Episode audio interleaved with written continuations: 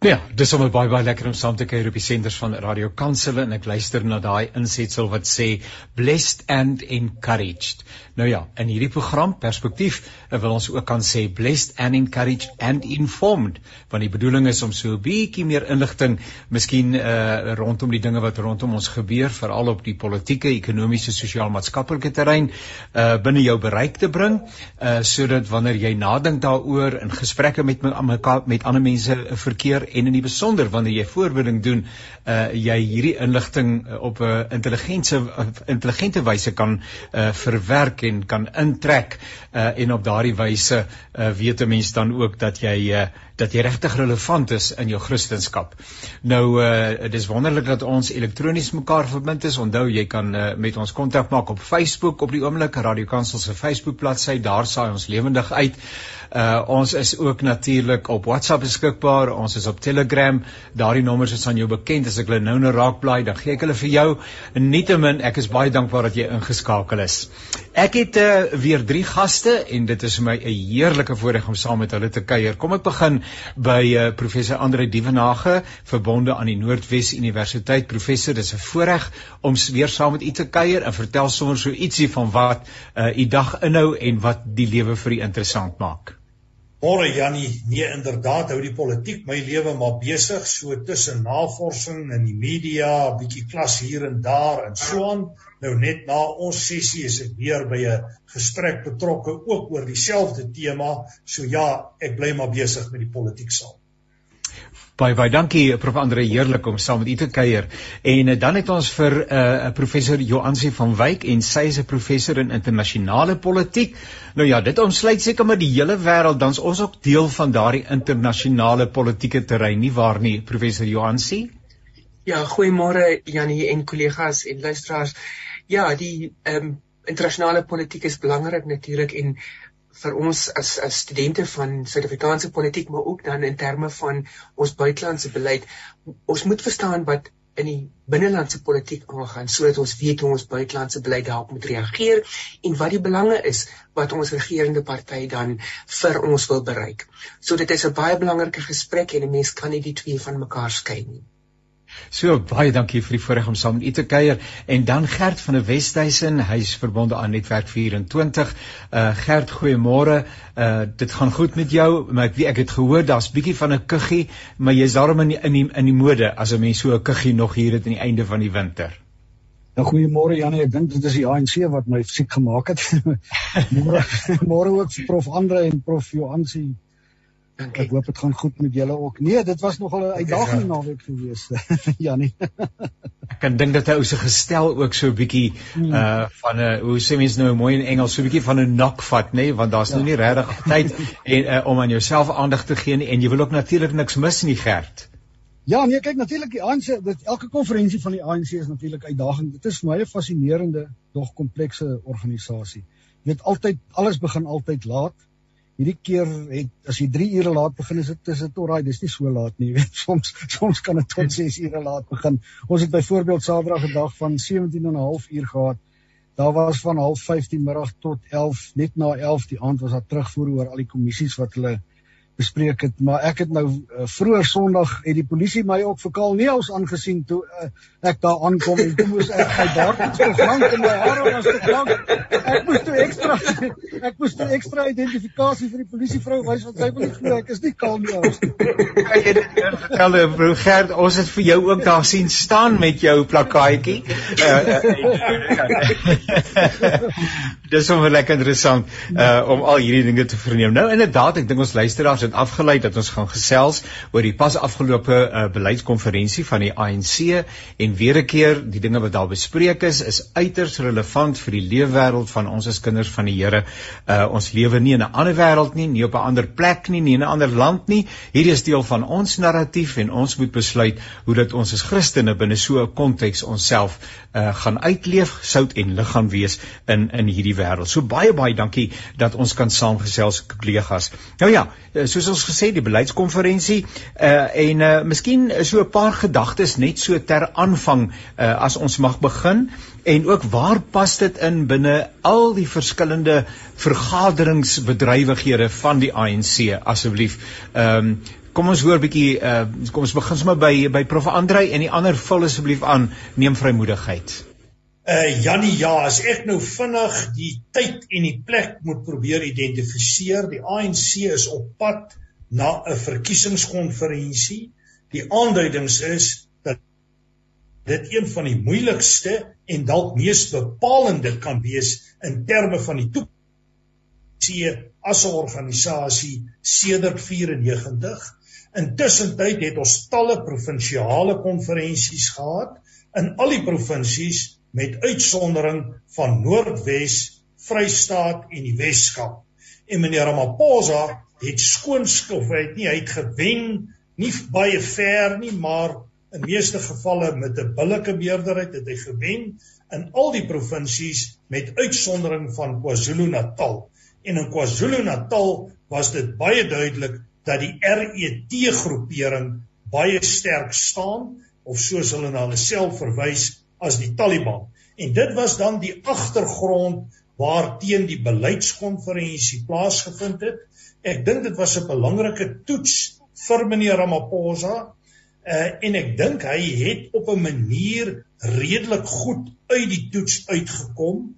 Die RET groepe was nie by magte om die konferensie te ontwrig nie, maar ek wil ook sê en ek sal dit graag met die kollegas wil klank, my indruk was dat die konferensie oor die naweek meer van 'n talkshop was, dat daar nie werklike besluite geneem is wat rigtinggewend is nie, dat daar geen diepliggende antwoorde gebring is vir talle uitdagings nie.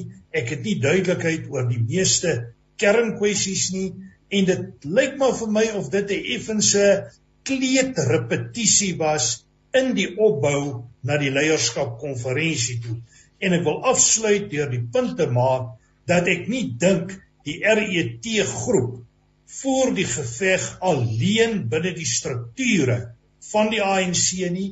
Hulle is besig om in 'n tipe van kom ons noem dit 'n struggle modus in te beweeg wat eintlik poog om die land op 'n breër front as net die ANC te destabiliseer.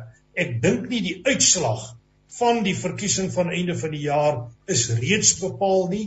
Pala Pala moet nog uitspeel. Die Vrystaat, Noordwes, Weskaap moet ook nog hulle leierskap verkiesings hou. Ek dink meneer Ramaphosa is gelukkig dat hy nie baie sterk opponente in terme van individue het aan die ander kant nie, maar ek moet sê sy eie lys van ondersteuners in die opbou na die leierskap verkiesing lyk vir my kan. Uh dis 'n paar breë algemene indrukke Jannie. Joansie, kom ons hoor by jou. Baie dankie. Ehm um, dis altyd moeilik om na Prof Lievenage te praat want hy gee altyd so 'n omvattende en 'n insiggewende ontleding. Maar gaan met die geleentheid. Ehm um, kan ek net gou-gou uh, sê my indrukke wat was is dat hierdie was vir my ehm um, 'n poging om vernuwing in die party te bring. Ehm um, en ek stem saam met professor Dievenage dat dat dit nie noodwendig geslaag was nie. Maar as 'n mens kyk dat die ANC het so in die opbou van hierdie konferensie het hulle taamlik wat ek kan noem 'n uh, confessional ehm um, belydenis tipe ehm um, uh, uh, uh, ronde vir my uh, beleef in die sin van hulle het erken hulle het foute gemaak, hulle het erken dat hulle nie in terme van die die verwagtinge voldoen het nie, hulle het erken dat hulle 'n organisasie is wat deur moeilike omstandighede gaan. So hierdie belydenisseriode ehm um, het nou gebeur en mense het ook die debatte vooraf gesien rondom die sogenaamde cleansing seremonie wat dan ook inspreek um, by die soos van die kosmologie van die gemiddelde ANC ehm um, ehm um, ehm um, kiezer en dan nou die vernuwing wat nou aangekondig is. Nou goed, ons weet dat die Ramaphosa presidentskap het van meet af aan die idee van 'n nuwe daaraad aangekondig dat dit is nuut, maar ons is nou 4, 5 jaar van van Ramaphosa en en die vernuwing is nog nie daar nie. Inteendeel, die staatsondernemings is in 'n slegter situasie. So dit was 'n uh, konferensie waar die ANC mynsinsiens baie goed net bevestig het.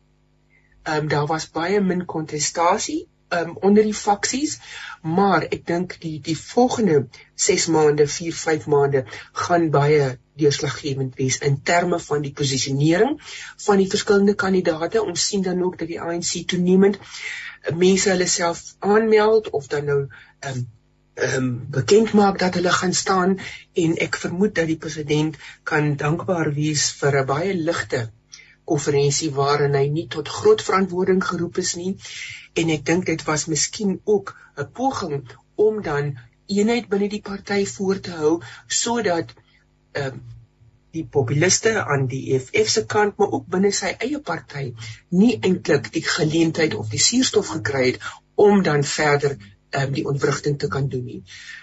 Laat ek daar stop en dan kan ons natuurlik nou verder weer gesels. Dankie vir die geleentheid.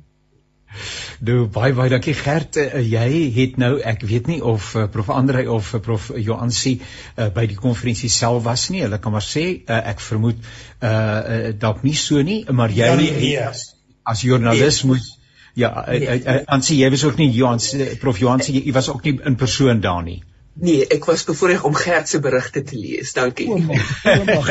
nou ja, nou ja, Gert het namens ons hard gewerk. Hy was uh, daar uh, vir die volle tydperk gewees. Gert, vertel 'n bietjie vir ons van jou belewenis. Ehm uh, nie net 'n persoon wat belangstel in die politieke terrein nie, maar as joernalis, die omgewing, die energie, ehm um, ensovoorts ensovoorts. Jy het so 'n bietjie ingelei nou net jy gesê het van die dinge het 'n bietjie lank geduur en dit het ook laat begin, maar nou dit is goeters wat nou tipies is aan ons kollegas. Ja, ek wil net uh, begin deur te sê na die twee professore gepraat het, is daar eintlik veel vir my om te sê nie want dit is uitstekende opsommings eintlik van wat gebeur het. Ek stem heel hartig saam met prof Andre dat dit 'n talkshow basies was. Jy weet baie van die goed wat in 2017 ter sprake gekom het, het nou weer ter sprake gekom. Kyk, 'n beleidskonferensie is nie so rof soos 'n kongres nie. 'n Beleidskonferensie is in 'n mate 'n soort van 'n kleedrepetisie vir 'n kongres waarop uh, baie uh, um, beleidspunte bespreek word en dan word dit nou nog na die Unika gestuur en later na die takke en dan sal dit in Desember vir goedkeuring voorgelê word. Jy weet, so daar's baie gepraat. Is ons ons jy het naans het, het dit net vir jou te veel gevoel nie. Daar's oor elke liewe ding gepraat. Dan as 'n mens kyk na jy weet die die die gees by die kongres, dit was 'n bietjie oper as gewoonlik, jy weet jy kom met ministers praat en mense daar rondgeloop, want dit was nie omdat dit nie so ernstig is soos 'n beleidskongres ag verkiesingskongres nie. Kyk, hier's die takke ook nie almal verteenwoordig gewees nie. Net van die takke was verteenwoordig of net van hulle lede want dit is meer streke wat verteenwoordig was. En dan die KwaZulu-Natal mense het hulle het gesê wat hulle dink, jy weet, hulle het die uitsaan uit op sy staan reël kwaai gekritiseer. Kusatu en en en die SAKP het hulle erg uitgespreek teen die reddingsplanne vir vir Eskom die feit dat ek dink dit aanvaar is en dat die idee van 'n tweede Eskom sommer al daarin dan afgeskiet is, wys dat die president in daai opsig 'n bietjie geseef hier het. Maar ja, dis waar wat professor Johan sê, hierdie volgende 5 maande gaan nog taamlik rof wees. Ons moet nog al die kongresse hou en almal gaan nie so gemaklik wees vir die president soos hierdie ene nie. Wat baie waar is natuurlik is is wat Prof Andre ook sê, jy weet daar is net eenvoudig nie leiers in die ANC nie. Jy weet ons praat daarso, jy weet in die Mandela kabinet. Die hele kabinet kon jy omtrent enige een van die kabinet kon 'n leier gewees. Daar is net nie eenvoudig mense sulke sterk persoonlikhede nie. Kyk wat bied die RET faksie vir jou. Wie bied hulle? Zweli Mkhize. Uh Lindiwe Sisulu. Ysmagashule wat nou weer wil terugkom, maar hy kan nie want die opsy staan reël is weer aanvaar die naweek. Dan sit jy aan die ander kant is dit maar net eintlik Ronald Lamola wat mense in 'n mate 'n bietjie mm. opgewonde maak? Mm. miskien Paul Mashatile maar Ronald Lamola is maar nog baie jonk jy weet. Ja. So dit gaan nog in die volgende paar maande gaan dan nog 'n redelike stryd wees vir um vir benoemings vir leiersposisies in Desember. So ons sal dit ook maar fyn moet dophou. Daar's mense wat wil hê hulle moenie weer volgens 'n lys stem nie. Daar is selfs voorstelle gewees jy weet dat jy die eerste 3 posisies voorstem en die uh, uitslae bekend maak en dan eers vir die laaste 3 posisies in die top 6 stem sodat die lysting kan verdwyn. Maar dis nou al so tradisie by die ANC ek weet nie of dit sommer sal verdwyn nie. Kollegas, nie vrymoedigheid om sommer net in te spring, Prof. Johan sê ons sien nou nie vir u nie want die kamera uh, is nie aan nie, uh, maar wanneer iemand asemhaal, dan moet jy sommer ruim inkom maar kan ek hierso net vra uh, wat is die verband die verhouding uh, tussen hier het nou daar aangeraak maar net terwyl van uh, van van van uh, van van die inligting uh, net net die in, in die uh, daai benaming wat prof uh, uh, Andre gebruik het die die Taliban net gou-gou dit weer in konteks plaas is interessant dat daar verwys word na die Taliban en dan uh, en hoe verloop dinge dan nou van hier af na die einde van die jaar toe en wat gebeur die einde van die jaar wat nou anders is as dit wat nou gebeur het Uh Janie, wie ek moet reageer? Asseblief tog, ja. ja. Enige van u maar asseblief uh, verander. Goed, uh kom, kom ek begin deur net te sê die Taliban is die groepering wat Zuma georiënteerd is en aan die Zuma uh Ismagashule kant geveg het by die KZN konferensie. En die Taliban dra die betekenis van hulle hou nie op met veg nie, hulle hou aan veg totdat hulle uiteindelik 'n tipe van 'n oorwinning behaal. So dis nou hulle simbool. My verstaan van hulle is dat hulle koppel na die RET faksie toe en daar lees jy duidelik Zuma, Ysbagashule uh en 'n klomp ander lede. Oor die vraag wat moet nou nog verder gebeur? Daar moet nog die drie provinsiale konferensies plaasvind. My verstaan is dat die een in Noordwes moet plaasvind, ek dink in die volgende omtrent 2 weke, maar hy is al 4 keer uitgestel. Die aanduidings daar is dat die Ramaphosa Didi Mabuza groep by monde van Nono Moloi redelik sterk staan en waarskynlik in die binnebaan is om daar te wen en die voorlopige aanduidings is dat Noordwes hom kan koppel aan die breër Ramaphosa lyn. Alles hang natuurlik af van Didi Mabuza, want Didi Mabuza is 'n onbekende, moeilike faktor om te verreken en waar hy aanvanklik teruggestaan het vir die leierskapstryde is die aanduidings dat hy hom weer begin herposisioneer sedert hy teruggekeer het uit Rusland. So hierdie is 'n faktor wat belangrik is in die Vrystaat weet mense nie werklik wat aan die gang is nie. Uh, ek bly glo gegeewe die geskiedenis van die Vrystaat wat ek goed ken dat Magashule steeds invloedryk kan en sal wees. Dit wil nie noodwendig sê dat 'n eis 'n loyalis gaan wen nie, maar daar gaan sterk invloed uit die takke kom wat RET georiënteerd is oor die Weskaap. Moet 'n mens eintlik sê aangaan binne die ANC nie. Dis die kleinste, ek dink met uitsonder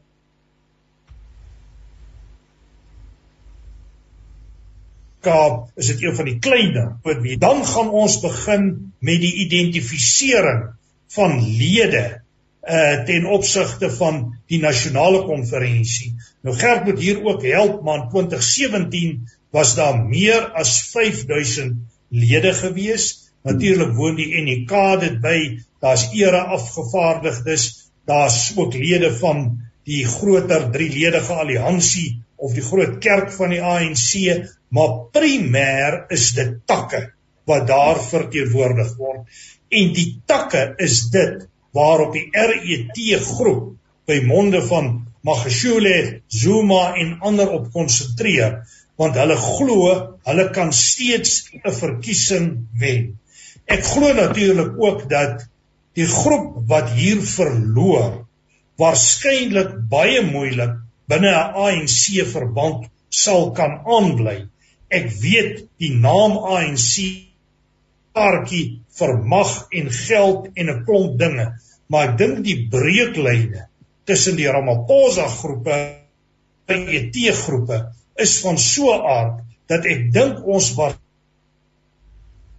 2024 en na die nasionale konferensie 'n herbelyning, 'n rekonfigurasie van die politiek kan sien. En dit was vir my interessant by die konferensie dat meneer Ramaphosa en Gwedi Mantashe aangedui het. Gert en ek sal dit graag by jou wil bevestig dat hulle nie met die EFF in alliansie sal gaan indien hulle soos tans voorspel 'n persentasie by by die 2024 verkiesing van minder as 50%. Ja, hulle het dit inderdaad laat blyk prof. hulle het dit inderdaad laat blyk ons wou vir Gordie Montage 'n bietjie meer daaroor vra, maar hy was nie baie lus om ons vrae te beantwoord daaroor nie. Maar dit het in die stadium lyk dit nie vir my hulle sal met die EFF na alliansie gaan nie. Ja, dit dit verander natuurlik die totale politieke uh, spektrum en wat moontlik kan gebeur en dit mag aanleiding gee tot een van die grootste herbelynings in ons politieke omgewing. Nou uh, my standpunt hieroor is dat die huidige bedeling eintlik al 'n jaar of wat gelede sy kantelpunt bereik het en laat ons eintlik post kantelpunt politiek werk en dit beteken groepe, nuwe rekonfigurasies, nuwe standpunte, nuwe denke. En ek wil terugkom by 'n punt wat Johansie vroeër genoem het wat ek dink geweldig belangrik is en dis die kwessie van die inspeksie wat die ANC gedoen het. En daarmee saam die vol, volgehoue klem op vernuwing. My beeld is dat wat die ANC benodig is die radikale hervorming nie net van hulle self maar ook van die groter politieke, maatskaplike en ekonomiese orde. En dis die uitdaging vir Ramaphosa. Nou as ek dit kan vergelyk met die FW de Klerk 80er jare periode, dan is die ANC nog nie by Rubicon. Maar hulle is waarskynlik hier in die fase toe PW Botha hulle begin erken het dat hervorming noodsaaklik is en belangrik is. Maar ek dink dit is baie belangrik dat daardie proses momentum kry. Ek dink dit is 'n nasionale belang want ons staatkundige, politieke, ekonomiese en maatskaplike uh omgewings is besig om tot so 'n mate te versleg en dis duidelik die ANC se beleid en die wyse hoe hy die land bestuur bring nie antwoorde nie maar skep al hoe meer krisisse. 'n Mens kan maar net hoop dat hierdie beleidskonferensie deel was van 'n Kairos moment van 'n besef dat dinge vorentoe baie anderster gedoen moet word veral wanneer dit kom by implementering by dienslewering en om die belange van die gemeenskap en die samelewing daadwerklik te dien. Prof Johansi en ja. afsluiting daarbey ek uh, sal u vir ons uh, ook help. Dit was my interessant net nou dat u uh, verwys het na die sogenaamde belydenis uh, van belydenisse van die ANC rondom uh, die oorsprong van baie van die problematiek wat ons in Suid-Afrika beleef en dat hulle dit vir hulle eie rekening geneem het. Is nie die eerste keer dat ek hoor dat die ANC maklik skuld bely nie. Uh u het nogal aangedui, dit is my interessant dat dit dalk 'n strategiese skuif was van meneer Ramaphosa juis om mense wat nou hierdie geleentheid sou wou gebruik om allerlei verwyte te slinger sommer dadelik uh die speelveld gelyk te maak. Uh, ek wil daarmee saam ook vra is dis nou pragtig die belydenisse en die uh uh gerigtheid op hervorming en vernuwing en alles wat daarmee saamgaan uh, is dit nie te min te laat nie Ehm um, inderdaad nie, daar's altyd mos maar hoop in die politiek, maar ons weet natuurlik dat ons hier sit met twee probleme ten minste. Die een is wat binne in die ANC self gebeur. Hoe sterk is die party Ons weet byvoorbeeld dat hulle salarisrekeninge is ook te groot en dat hulle selfs tydens hierdie konferensie nie van hulle personeel kon betaal het nie. So enerzijds is daar probleme binne die party en hoe die party homself organiseer en die party sal dalk nou ook moet op 'n stadium begin dink maar is hierdie drie ledige alliansie nie te veel bagasie nie. Ehm um, want ons sien dat daar is 'n pendulum wat swaai tussen Kusatu, die EFF, ehm um, miskien ook van die ander ehm um, vakbonde soos AMKU en natuurlik die kommunistiese partye is ook by tye 'n uh, uh, 'n las, ander tyd natuurlik nou 'n uh, uh, aanwins. En dan natuurlik wat die staat die ANC as die regerende party. En hier is dit belangrik dat die gewone burger en daartoe se gebrek aan openbare opvoeding of burgerlike opvoeding dit wil vir my voorkom asof die gemiddelde ANC kiezer nie die onderskeid kan tref tussen die ANC as 'n politieke party, die ANC as die regerende party en wat is dan die regering en die staat dit is asof daardie uh, konsepte vir my almal saamgevlaans word in wat die ANC is. Dan word dit 'n tipe van 'n partyokrasie waar die staat het sekere funksies wat hy moet vervul en die ANC is eintlik maar die rentmeester in hierdie periode wat hy dan nou die mandaat by die by die kiesers gekry het. Maar goed, die toets is natuurlik nou na al hierdie belydenisse wat gebeur nou. En dit is dink ek die die fase vir die vernuwing nou. Maar ons weet dat vernuwing kos tyd en geld en natuurlik ook die politieke wil om dit te kan doen. En die ANC dink ek is tot 'n groot mate baie ehm um, sit baie rustig in sy kussing omdat hy hierdie sterk handelsmerk, politieke handelsmerk het wat mense ongeag die foute, die tekortkominge, die korrupsie en die misdaad byvoorbeeld wat gepleeg word deur ANC-lede en die uh, lede van die kabinet dit nog steeds verdra. Um, en, en dit is vir my een van die merkwaardige goed van die ANC in in Gerte daarna ook verwys is dat dit is enerzijds 'n komplekse maar 'n fascinerende organisasie en ek dink die die burgery is nog nie by 'n posisie wat die ANC vergewe word of dan nou dat op hierdie ehm um, 'n uh, ehm uh, beleid ge, beleidnes gereageer word en die toets gaan natuurlik by die stembus wees tot hoe mate gaan hierdie beleidnes dan aanvaar word. Ehm um, en en dit dit die groot verandering moet dan by die soos hulle sê die rank and file um, ANC lid geword want is dit genoeg wat die leiers van die party hierdie naweek besluit het. En en dit dit is natuurlik eh, die die periode 4 5 jaar van nou af is waar gaan die ANC self staan? Ehm um, aan die een kant gaan dit um, ideological light wees tot 'n mate wat 'n liberale tipe ekonomie in die gang hou aan die ander kant dan die reaksie op die groter populistiese eise wat gestel gaan word um, om dan dienslewering et cetera te kry. Maar solank ons dink dat die staat is die enigste plek waar mag en invloed is, um, gaan dit die aspirasie van baie Suid-Afrikaners bly. ek dink dan maar sommer hardop saam met u ehm um, dalk dalk kan jy denke van uh, gemiddelde mense uh, met die oog op die 2024 gebeure uh, wanneer uh, die gedagte daar is dat die ANC dalk nie meer die meerderheid sal hê wat hulle tans uh, het nie ehm um, en dalk 'n koalisiepolitiek sal moet betrokke raak en dis meer en so maar dit beteken nie die ANC verdwyn as 'n as 'n belangrike rolspeler binne die Suid-Afrikaanse politieke terrein nie.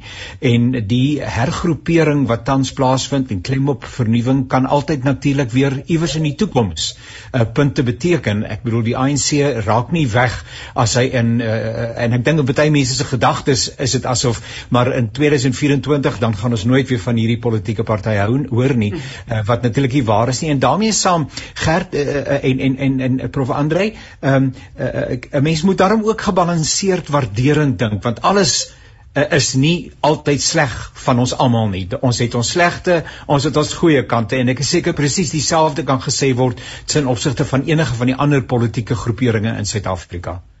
Nie een van ons het ja, nie een van ons het die wiel ontwerp of volledig ontwerp nie.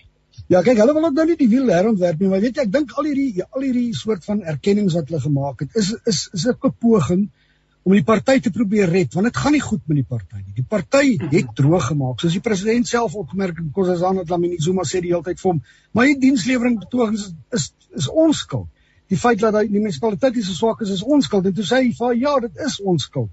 Jy weet en en en daar's baie ander goed wat hulle skuld is. Jy weet maar ek dink net hulle is in 'n groot mate oorweldig deur al hierdie sosio-ekonomiese krisisse. Dis amper soos die perfekte storm hier na die pandemie en alles wat alles net bymekaar gekom het, ongelykheid. Daar is die armoede, daar is die energiekrisis. Dit gaan net slegter en slegter.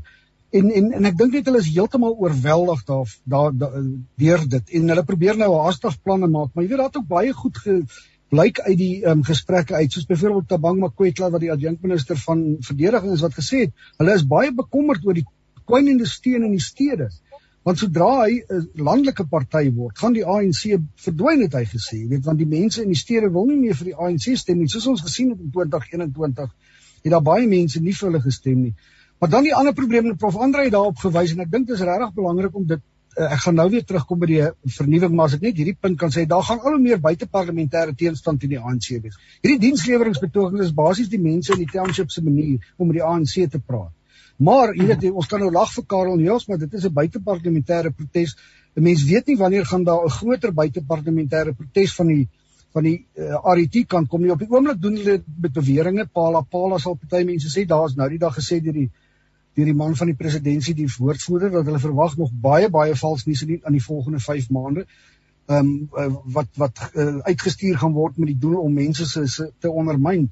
Jy weet en dan as 'n mens nou kyk na die, die radikale voorstelle soos om die lidmaatskap te hernuwe. Paul Mashatile het gesê hulle wil hulle wil net oordentlike lede hê al beteken dit hulle moet met minder lede oor die weg kom. Hulle wil selfs hulle beweer hulle het 1.6 miljoen lede dink ek as ek nie mis dit nie. Hulle wil almal dis daai kant ja. Moet mm -hmm. moet weer aansoek doen vir lidmaatskap. Dit gaan 'n enorme proses wees. Ek weet nie hoe lank gaan dit duur nie, jy weet. En maar sodoende wil hulle nou korruptes uitskakel. Hulle wil 'n teenkorrupsie eenheid stig.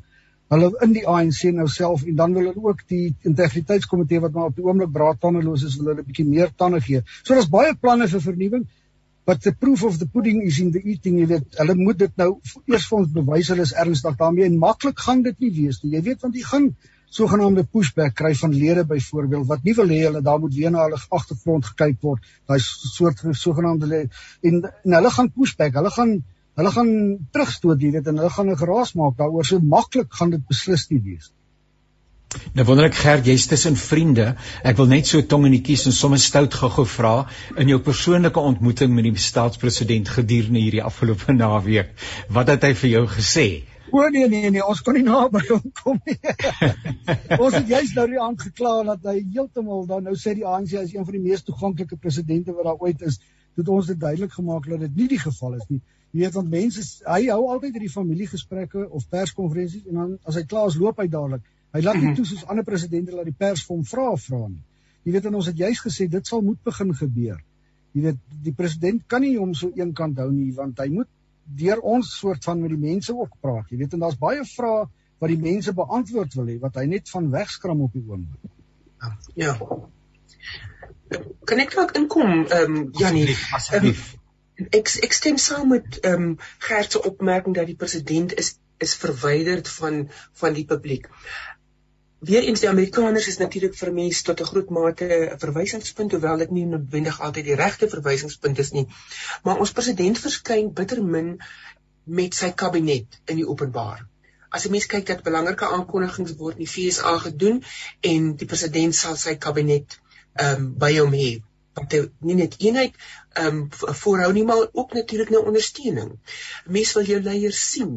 Ehm um, en natuurlik die die feit dat ons president ja, hy hy het nou elke maandag sy brief, maar ons weet dit is nie noodwendig hy wat die naweek um, sy huiswerk doen nie. Maar ehm um, dat hy miskien ook meer in die begin onthou julle dalk dat hy die walkabouts gedoen het by die parlementsopening in, in 2018 dat hy in in townships opgedaag het um, dat hy tog bietjie in die in die openbare domein verskyn het. Nou hy lyk vir my na 'n man wat hou van die groot konferensies um, waar hy uh, met belangrike mense praat, maar hy sal moet 'n poging aanwend om om bietjie die das los te maak en tussen tussen die gewone burgers te beweeg. Dit kan ook miskien wees dat hy ehm um, daar was nou 'n wisseling in sy ehm um, in sy ehm um, kantoor rondom sy spreekbuis byvoorbeeld. Maar ehm um, dit dit is tog ook sodat die regering se kommunikasie um, stelsel moet tog ook vir hom ehm, 'n um, tipe van 'n beeld skep. En die die feit dat hy nie sommer 'n ja, impromptu perskonferensie doen en vrae antwoord nie, is natuurlik ook wat ons sien in die parlement. Is is dat hy miskien meer as Zuma in die parlement verskyn, maar dat daardie ehm um, letterlik uit die heup uitskiet ehm um, is is is 'n groot tekort. Ehm um, dit kan 'n kulturele aspek wees wat 'n mens miskien in ag moet neem, maar ek dink in terme van ehm um, die die die verloop nou na 'n moontlike herverkiesing vir die president sal hy um, baie meer hierdie hierdie afstand moet afbreek. Dis interessant dat u dit uh, uh, aanraak Gert en Prof Joansi uh, rondom die ehm um, kom ons sê die manier waarop die president homself aanbied. Uh as ek nou na die DA kyk, sien ek dit verkeerd of kyk ek dit nie reg nie, maar is my opmerklik hoe dit meneer John Steenhuisen onder andere ehm uh, tussen vla, 'n amper Amerikaanse model uh voorhou wanneer hy in die openbaar of wanneer hy aankondiging maak. Hy's omring van mense, uh dis veelkleurig, dis dit, ek wil nie of die woord populisties is in die regte woord nie maar dit is dis dis dis uh, dit dit dis amper soos 'n stukkie show business uh wat hom omring uh, uh teen die koud kliniese uh, wyse waarop die ANC miskien sy dinge doen. Dan die opsig herinner president Ramaphosa nogal baie aan president Mbeki. Ja. 'n bietjie ontuis tussen die mense gelyk het. Jacob Zuma was tuis tussen die mense. Nelson Mandela was die perfekte voorbeeld van iemand wat tuis was tussen die mense. Die mense was mal oor hom. Jy ek dink nie die president het daai selfde aanhang nie alhoewel daar steeds uh, sprake is dat hy gewilder is as die party.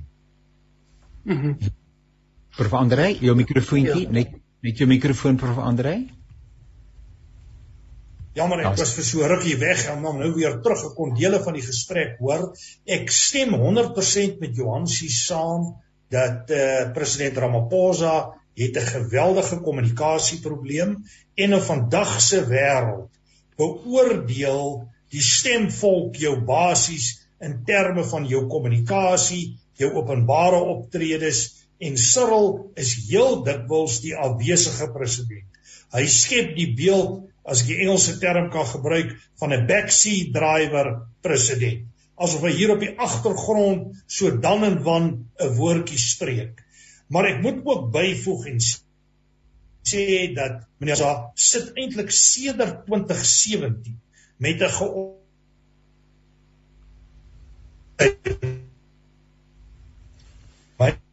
en selfs uit die kussings uit te lig. En daai proses is steeds aan die gang en my indruk is dat die RET groep nie gaan bes gee maklik nie en dat die breeklyne in die ANC reeds geweldig diep en geweldig ver loop. Oor die posisie van die party wat Gert oor gepraat het, so 'n paar breë indrukke. Die geskiedenis in Suider-Afrika wys vir ons 30 jaar in die tyd in 'n gedekoloniseerde omgewing in aanhalingstekens is gewoonlik die leeftyd van 'n bevrydingsparty. Nou ek lees die ANC ook in daai konteks, hoewel ons nou nie 'n klassieke uh, koloniale bevryding gehad het nie, sommige sien dit tog so, maar die feit bly bestaan dat die ANC in 'n moeilikheid is en die geskiedenis wys vir ons dat hulle die partye eintlik nooit weer beter doen nie. Een jy nou gaan kyk in 1999 het die ANC op nasionaal provinsiale vlak 69% steun gekry. Met die laaste weliswaar plaaslike verkiesing het dit geval na 45% toe. Die aanduidings is baie duidelik dat die ANC veral na 'n moeilike konferensie baie moeilik hulle steunbasisse sal kan konsolideer. Die vraag is en dit is vir my 'n redelik uitgemaakte saak. Ramaphosa en Gwedi Mantashe praat van alliansies, as hulle nie die EFF bedoel nie, dan moet hulle insluit partye soos die DA, die IFP, die Afrika Christen Demokrate, Action South Africa, daardie tipe partye. Maar die RET groep is reeds in wil ek sê meer as 'n alliansie met groepe soos die ELF, die ATM, die BLF groeperinge en so meer en hulle is besig eie vakbonde ook daar. Hulle is besig om 'n eie broad church by hulle self tot stand te bring. En wie hierdie twee magsbasisse gaan beheer en gaan behou, dink ek gaan vorentoe die lakens uitdeel in die Suid-Afrikaanse politiek. En op die stadium is dit vir my nog glad nie uitgemaakte saak dat meneer Ramaphosa se groepering die outomatiese wenner gaan wees na 24 toe. En daar is selfs sprake dat ons 'n verkiesing kan hê voor 1924 94 2024 ekskuus. Maar baie belangrik as meneer Ramaphosa wen, sal hy moet vernuwe, sal hy moet hervorm en sal hy ongetwyfeld moet kyk na sy kommunikasie, sy skakeling, dit hoe hy die publiek hanteer en ek dink Gert wat jy sê dat hy baie ontoeganklik is, dit is inderdaad die geval. Hy is nie bereid om sommer net met mense in 'n gesprek te tree nie. Dit herinner aan Thabo Mbeki voor die Polokwane konferensie en die planne wat die Ysmagashule hardloop is 'n plan baie soortgelyk aan die wat 'n bietjie uitgehaal het wat hulle tans miskien aangepas hier en daar op meneer Ramaphosa van toepassing wil maak. En ek dink die Pala Pala ding is nog nie die einde van die dramas wat mag kom na einde van die jaar toe. Nee, ek ek hoor ook maar so tussen die lyne deur, daar kom nog twee groot bomme wat bars en dan sal daar nog tussen teer ook ander goeters wees wat weer rondgegooi gaan word, ander beweringe teen die president. Maar dit is baie interessant wat die opmerk ook van die TRT faksie en die en die teenstand teen Ramaphosa. Hulle kom basies almal uit dieselfde stil uit, nie? Van ja. die ITM tot die EFF. Die EFF is maar vir alle basiese doeleindes 'n eksterne vleuel van die RET faksie. Absoluut. Ja, en hulle almal kom uit die uit die ANC geleedere uiteindelik is dit die bron uh, waaruit al hierdie dinge kom. Prof Ansie, ek hoor vir u. Ja, dankie Jannie. Um, ek dink 'n belangrike faktor wat ook nogal in hierdie um, konteks van hierdie uh, konferensie uitgekom het, was die opmerkings wat ehm um, Bekkie gemaak het die ja. kritiek wat hy uitgespreek het teen Ramaphosa. Ehm um, ons het ook gesien dat Motlanthe het ook hier en daar 'n uitspraak gelewer en dan natuurlik die olifant in die vertrek ehm um, Jacob Zuma. En en hoewel hy nie so vokaal is in die openbare domein nie, is die wat hom ehm um, um, in sy dampkring beweeg is natuurlik baie baie doenig rondom die president. So ek dink dit is ook 'n faktor om in ag ag te neem, ehm um, is is die die verdagmaking, ehm um, die eintlik maar wat my betref is dat die die president het nie eintlik soveel steun oorlopend onder sy voorgangers nie.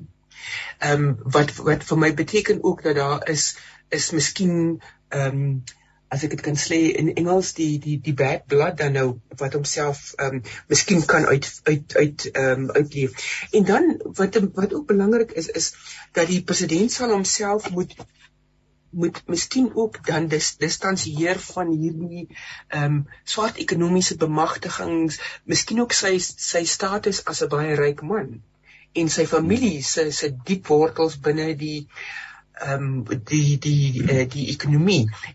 So ek dink daar sal ook moet ehm um, 'n 'n doelbewuste poging van sy kant af wees want dit is die tipe goed wat die RET faksie gaan oprei is dat hierdie man is 'n skatryk man dit was nie black broad based black economic empowerment nie maar dit het 'n elite geskep in 'n tipe van 'n nobility as ek dit weer in Engels kan noem wat ver verwyderd is van die van van die massas. En en die die die punt is net um, as ons kyk na na die die planne vir vernuwing teenoor die geleefde vir um, ervaring van Suid-Afrikaners dan moet die moet die ANC homself goed voorberei vir die die realisering van hierdie verwagtinge want want dit is die mespunt waar hierdie ehm um, bevrydingsbewegings gewoonlik hulle hulle hulle die einde van hulle raakleeftyd kry is. Daar moet gesien word dat daar ehm um, diens gelewer word dat mense se lewens in reële terme verander en dan as ons byvoorbeeld kyk na die die die data wat ehm um, statistiek ehm um, Suid-Afrika oor die onlangse ehm um, uh sensus gedoen het is dat die die groter wordende jeug van van van ons bevolking. Dit is mense wat miskien nie die die die bevrydingsstryd so hoog aanslaan nie want hulle het dit nie beleef nie. Hmm. Maar dit is mense wat nuwe verwagtinge het, wat werkloos is, wat onrustig is, wat 'n huis soek, 'n uh, politieke huis maar ook 'n fisiese huis. En en dit is 'n onrustige ehm um, kieserskorps wat wat die die energie sal moet gekanaliseer word om om dit um, te kan beheer vir ons toekoms. Die uh, ons ons loop na die einde toe van ons saamgesels. Kan ek net vra uh, die die hele gedagte van die nasionalisering van die Reserwebank. Uh, wat lê daar agter? Wat is die sin van so 'n skuif en um, en en hoe moet 'n mens jouself daaroor uh, bedink? Prof Andrei? Uh Jannie my kyk daarop sal wees as die ANC se beleid raamwerk en die kernstruktuur daarvan lees. Dan gaan dit oor die nasionaal-demokratiese revolusie idee en hy hardloop in drie fases politieke beheer dit het nou uiteraard lankal al plaasgevind. Dan die tweede fase is ekonomiese beheer die beheer van produksiefaktore geld eh, kapitaal en ander woorde grond arbeid onderneming beheer op daai vlak en dan die derde fase is sosiale gelykheid. Ek dink hier sien ons 'n daadwerklike poging om beheer te kry oor kapitaal en die toewysing van kapitaal. Ons hoor ook gereeld die moontlikhede van die stigting van 'n uh, 'n eie bank om eie belange te dien en so meer. So ek lees dit beheer oor finansies. Wel interessant en Gert moet hier ook help maar wat ek in die media opgetel het was 'n redelike lae vlak uitklaring dat die reservebank nie genasionaliseer word nie, maar dat sy taak nou uitgebrei word om by te dra tot werkloosheid. Nou wat dit in reële terme beteken mhm. is nie seker nie, maar ek vermoed die hele konsep van 'n ontwikkelingsstaat, die developmental state, is hier ter sprake in finansiële terme. Ja, daai goed is presies genoem prof soos jy nou sê, daai van die Reservebank wat sy magte moet uitbrei van die ontwikkelingsstaat van die nasionale demokratiese revolusie dis als in een asem genoem. En dan staan ook sprake gewees dat ehm um, dan nou die SAKP byvoorbeeld wil hê daar moet provinsiale banke gestig word en stede moet banke stig. So dan gaan jy 'n bank van Johannesburg hê en 'n bank van Gauteng en sulke goeters maar ek dink dis maar baie wensdenkery in die stadium. Ek dink daar is 'n paar mense wat sal skop eintlik teen so 'n idee van die nasionalisering van die Reservebank. Hulle het ook gesê hulle wil kyk na die aandeelhouers van die Reservebank want dit is die enigste Reservebank in die wêreld met soveel privaat aandeelhouers. So hulle wil daarna op kyk, maar ek dink nie hulle presies weet self weet presies hoe hulle hierdie ding gaan aanpak nie. Want as jy met 'n ekonom soos Dawie Rood gaan praat, sal hy vir een van die redes hoekom ons nog nie in die moeilikheid is nie, is omdat ons die Reservebank het wat inflasie beheer, jy weet. En as dit heeltemal by hande uitdruk gaan ons so Zimbabwe lyk later, ja. Janie kan ek net aansluit in terme van die nasionaliseringsdebat. Dit is natuurlik 'n baie populistiese debat. Ehm um, en ek het 'n vermoede ons gaan meer hiervan sien want dit is ook 'n manier om om beloftes te maak en dan ook hopelik dan nou gestand te kan doen. Ehm um, die Suid-Afrikaanse bevolking meins insiens of die ANC kiezer dan besef nie hoeveel goed daar eintlik alreeds genasionaliseer is nie. Ehm um, die die staat het meer as 100 ehm um, ondernemings wat natuurlik in verskillende fases van verval is, maar wat reeds oor soveel in professor Andre het genoem produksiemiddels um, en diensverskaffing um, um, um, beskik. Soveel mag al reeds beskik het. As 'n mens kyk na hoofstuk 9 van die grondwet wat kyk na die die instellings wat die demokrasie moet moet beskerm, dan is die Reservebank inderdaad nie daar nie. Ek dink dit is belangrik dat 'n mens ook erkenning gee aan die rol van die ouditeur-generaal wat tog nog 'n mate van ehm um, uh, van oorsig het ehm um, wat wat 'n sy hand op die beursie hou en dat die leenboek ehm um, verantwoording gedoen moet word en die hartseer is natuurlik dat dat die verslae wat wat die ouditeur-generaal bekend maak eh, is nie noodwendig word nie gestand gedoen nie maar ek dink die die idee van 'n reservebank moet ons ook in die konteks sien van die buitelandse skuld van ons land wat toegeneem het. Die feit dat ons dan hierdie bank wil nasionaliseer of dan nou meer beheer oor die bank het, maar ons is tog ook dan betrokke by die internasionale finansiële instellings en hier kan 'n mens sien dat as as Suid-Afrika ehm um, blyk dit my beweeg al meer in die in die terme van die ontwikkelingswêreld se se se finansiële stelsel. Ons sien dit met BRICS. Ons sien dat ehm um, dat daar is alternatiewe bronne van van finansiering en dit is belangrik dan ook dat dat ons moet weet dat as die staat nou ontwikkelings gaan aangaan sal ons dit nie kan bekostig nie in terme van ons konvensionele leningsmetodes deur die Wêreldbank et cetera nie maar ons gaan onsself vir generasies vasmaak aan aan hierdie alternatiewe uh, befondsing. En dan net rondom die ontwikkelende rol ek Janie gun my net hierdie geleentheid. Daar is reeds oor geruime tyd ek hou die weermag um, nogal dop in terme van die die ontwikkelingsrol wat die weermag ook al um, speel. Um, as 'n werkverskaffer, 'n uh, 'n uh, organisasie wat toenemend vir veterane moet sorg. So so die die ontwikkelingsrol van staatsstrukture is natuurlik al reeds vir geruime tyd aan die gang en sal toenemend natuurlik moet gebeur. Ons sien ook die talle aanstellings wat wat in die staat gebeur dat die regering soort van 'n werks verskaffingsagentskap geword het wat natuurlik ook nie ideaal is nie en meneer Ramaphosa sal moet hard werk om die doel van 'n meer uh, bekwame regering daar te kan stel. Dankie. Baie dankie uh, kollegas, baie dankie. Ons tyd is verby. Ek wil tog uh, net vra vir so een of twee sinnetjies kort. Ehm um, benewens die feit dat u Gert dat jy uh, joernalis is by Nuuswerk 24, dat die ander twee professore mense is wat hierdie ook as 'n uh, ehm um, as 'n studierigting en navorsingsrigting uh, uh, ensovoorts uh, uh, benader en daarmee besig is, is ons doodgewone mense uh, met ons eie voete op die grond wat hier in Suid-Afrika rondloop en rond uh, beweeg. Uh, as u as mens dink aan waar ons tans is en waarheen ons op pad is, wat wat gebeur in jou hart? Ger, kan ek by jou begin asseblief as 'n slotopmerking? Mens onder mense, soos wat ons vandag onder die luisteraars van Radio Kansel is. Mens raak nog soms 'n bietjie uh, uh vader jou hart maar nog as jy 'n bietjie aan die toekoms dink, uh, uh Jannie, jy's maar bietjie onrustig oor die toekoms, maar dan onthou mense altyd maar Suid-Afrika hou daarvan om tot op die rand van die afgrond te beweeg en dan tree ons altyd terug. So ons ek hoop ons doen dit hierdie keer weer en dat daar regtig 'n bietjie planne gemaak word met die probleme wat ons het. Jy weet soos misdaad byvoorbeeld, dis nie net die polisie wat misdaad kan oplos nie. Die hele regering moet daarbey betrokke raak. Al die staatsdepartemente moet daarbey betrokke raak. Jy weet en ons sal daai ding moet begin doen en ons sal moet baie meer met mekaar moet begin saamwerk. Die regering sal moet besef hy kan nie alles op sy eie doen nie. Baie dankie Gert van der Westhuizen verbonde aan Netwerk 24. Uh professor uh, Andrei. Uh Jannie, baie moeilike tye waardeur ons gaan, baie uitdagende tye. Ek dink dit is tye waar 'n mens moet brûe bou. Daar is tyd dat jy die Kennedy benadering moet volg van dis nie wat die land vir jou kan doen nie, maar dis wat jy vir jou land kan doen. En ek dink 'n mens moet goeie, gesonde waardes en etiese grondslae beklemtoon en uitbou in jou omgewing en kyk hoe jy kan bydra tot dit wat in die algemeen in Engels voorgehou word as the common good of society. Jannie, ek moet ongelukkig groet. Ek het 'n afspraak 12 uur, maar baie dankie voorreg om met die kollegas te kon praat.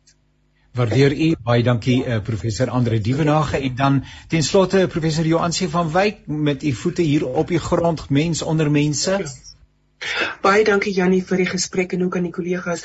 Jannie, ja, as 'n gelowige mens besef jy dat die die keiser moet kry wat hy moet toekom. En uh, in my eie geloofslewe is dit vir my baie moeilik om vir die regering te bid en ek ek doen dit soms onder groot protes. Maar dan weet ek dit is my dit is my opdrag en my plig en ook my voorreg as 'n ja. gelowige mens om dit wel te kan doen. En daarmee saam dan ook die aktiewe burgerskap en en Christendom is is is is 'n aktiewe uh um identiteit om positiewe goed te doen. So tussen tussen die die professionele en die die die persoonlike is daar werk om te doen en ehm um, ja, ons moet dit doen, dit is ons opdrag.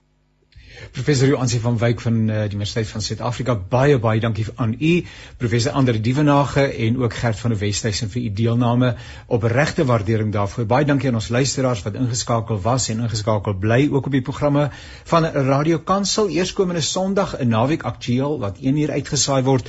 Gesels ons oor uh, transformatiewe uh, leierskap in Suid-Afrika, uh, oor die sogenaamde sosiale pakte waarvan daar sprake is. Ons bly steeds op dieselfde temas en en uh, ander meningsvormers wat saamgesels skakel gerus in ook op daardie program en die ander programme van Radio Kansel wat ook as potgooi beskikbaar is by www.radiokansel.co.za.